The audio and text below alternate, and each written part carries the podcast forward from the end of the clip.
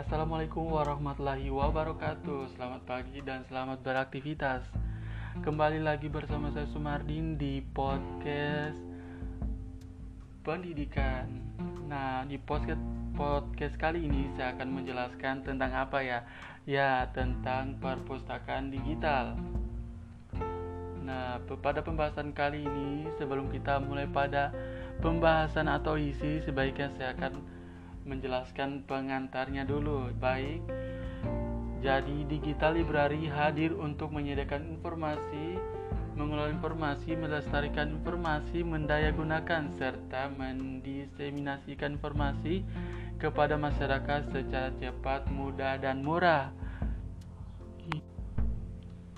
Tuntutan pemustaka terhadap sumber informasi elektronik yang semakin tinggi mengharuskan pengelola perpustakaan atau pustakawan memiliki pengetahuan dan keterampilan. Perpustakaan digital menawarkan kemudahan bagi para pengguna untuk mengakses informasi elektronik dengan alat yang menyenangkan pada waktu dan kesempatan yang terbatas. Pengguna perpustakaan tidak tertarik pada fisik dan jam layanan perpustakaan Hasil penelitian mahasiswa mengunjungi perpustakaan rata-rata 8.36 kali per tahun. Frekuensi peminjaman buku hanya 4.2 kali dalam satu tahun. Perpustakaan konversional tidak menarik bagi mahasiswa disebabkan beberapa hal.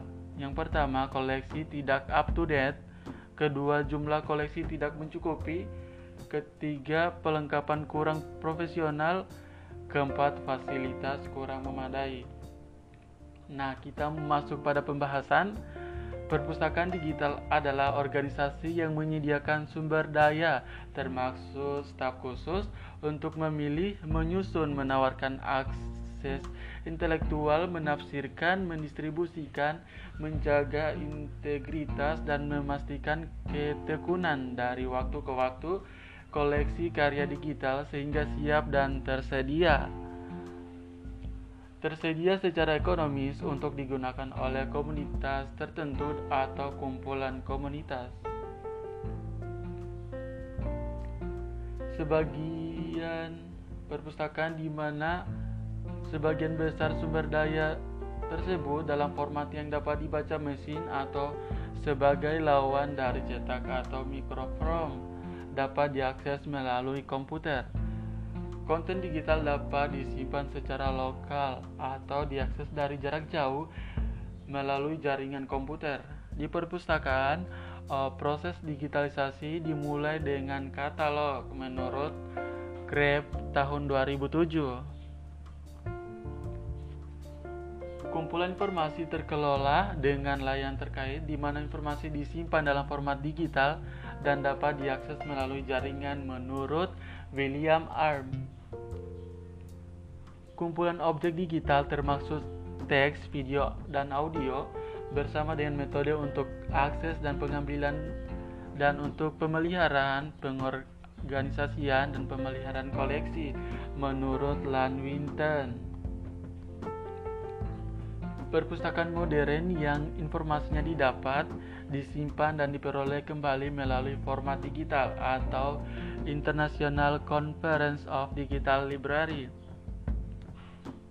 Kesimpulannya, perpustakaan sebagai koleksi maupun keseluruhan dalam bentuk digital dan dapat diakses secara online melalui jaringan komputer atau network, menurut Hartono tahun 2019 baik kita baik teman-teman kita masuk pada ciri-ciri perpustakaan digital. Nah, ada empat.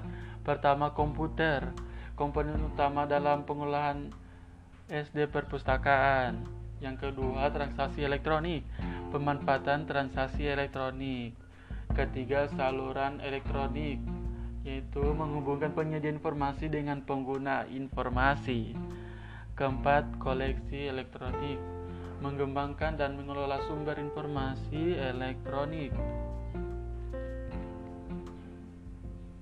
Hal penting pada perpustakaan digital. Nah, hal pentingnya yaitu organisasi dengan tujuan khusus mengumpulan pengelolaan penyimpan informasi atau bahan perpustakaan dalam format digital.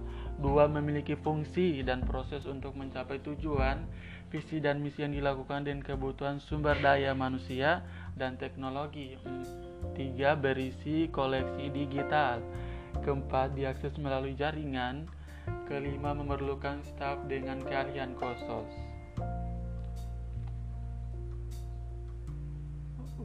Seka, uh, sekarang sejarah dan tantangan perpustakaan digital. Sejarah perkembangan perpustakaan pada tahun 1945 eh, konsep dasar mulai dikenal. Pada tahun 1980-an konsep awal otomasi dikenalkan konsep pengolahan perpustakaan berbasis komputer. Yang ketiga 1990 opak otomasi sudah dimaksimalkan untuk beberapa kegiatan perpustakaan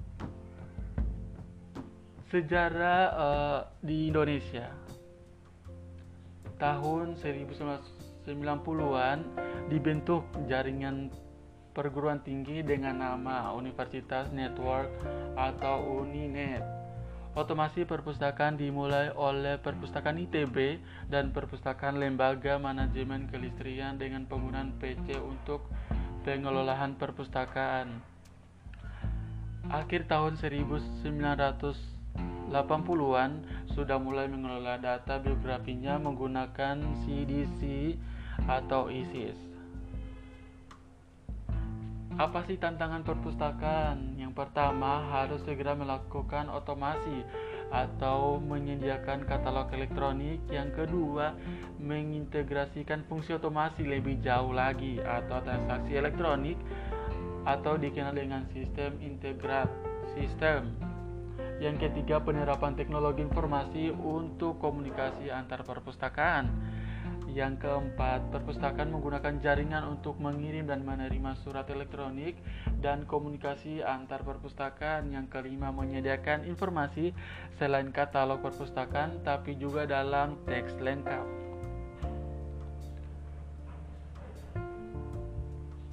Perpustakaan konvensional konvensional memiliki kelemahan dalam melakukan layanan atau ada batas fisiknya. Yang pertama, akses tunggal.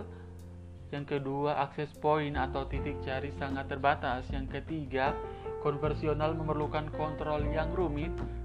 Yang keempat, pekerjaan banyak bersifat fisik dan memerlukan sumber daya manusia. Yang kelima, membutuhkan ruangan luas, biaya kebersihan dan pemeliharaan mahal. Sedangkan keunggulannya yaitu menghemat ruangan, multiple akses, tidak dibatasi oleh ruang dan waktu, koleksi dapat terbentuk multimedia biaya lebih murah. Nah, itulah penjelasan pada materi podcast kali ini. Semoga teman-teman dapat memahami penjelasan saya pada pagi hari ini. Untuk teman-teman yang sedang ada di luar, jangan lupa memakai masker, dan tetap jaga jarak agar terhindar dari virus corona. Stay healthy dan jaga kesehatan. Wabillahi taufiq wal hidayah. Wassalamualaikum warahmatullahi wabarakatuh. Bye bye. Sampai ketemu besok ya.